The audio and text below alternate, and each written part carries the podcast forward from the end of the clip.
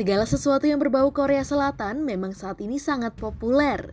Mulai dari film, serial, musik, teknologi, hingga produk kecantikan dari negara ginseng ini tidak pernah gagal menarik perhatian masyarakat global.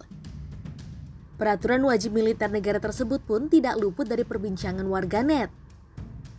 Hal itu dikarenakan seluruh laki-laki usia produktif di Korea Selatan harus menjalankan wajib militer tak terkecuali para selebritas. Banyak para penggemar yang menyaksikan hingga memberikan dukungan kepada idola mereka yang harus melakukan wajib militer, yang biasanya berlangsung selama dua tahun. Lalu, bagaimana sih sejarah wajib militer di Korea Selatan? Dikutip dari laman administrasi anggota militer Korea Selatan, wajib militer ternyata sudah ada sejak zaman kuno hingga periode tiga kerajaan. Awalnya, pada masa tidak ada perang dan damai, masyarakat kembali melanjutkan hidup sebagai seorang petani. Namun mereka hanya akan dipanggil kembali oleh negara ketika ada kondisi darurat. Pada masa dinasti Goryeo, sejumlah musuh datang untuk menginvasi wilayah kerajaan. Untuk mengatasi situasi tersebut diberlakukanlah sistem ganda, yaitu adanya tentara profesional reguler dan juga tentara cadangan. Kekuatan cadangan yang merupakan masyarakat biasa ini bisa melakukan kegiatan sehari-hari jika situasi negara sedang kondusif.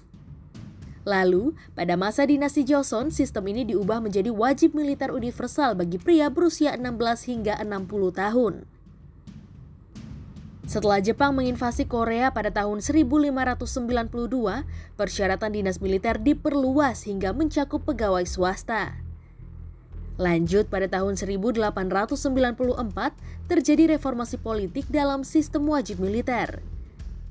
Seorang pria bernama Hong Bum-shik menawarkan visinya untuk mereformasi sistem wajib militer sebagai bagian dari reformasi negara.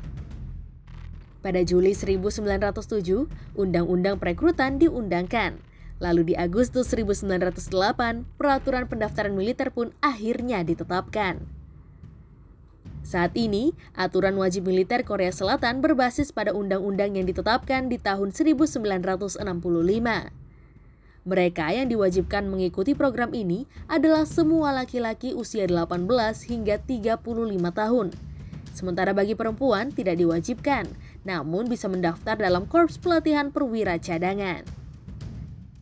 Durasi wajib militer ini biasanya sekitar 2 tahun, tergantung dari lokasi penempatannya seperti di Angkatan Darat, Laut, dan juga Udara.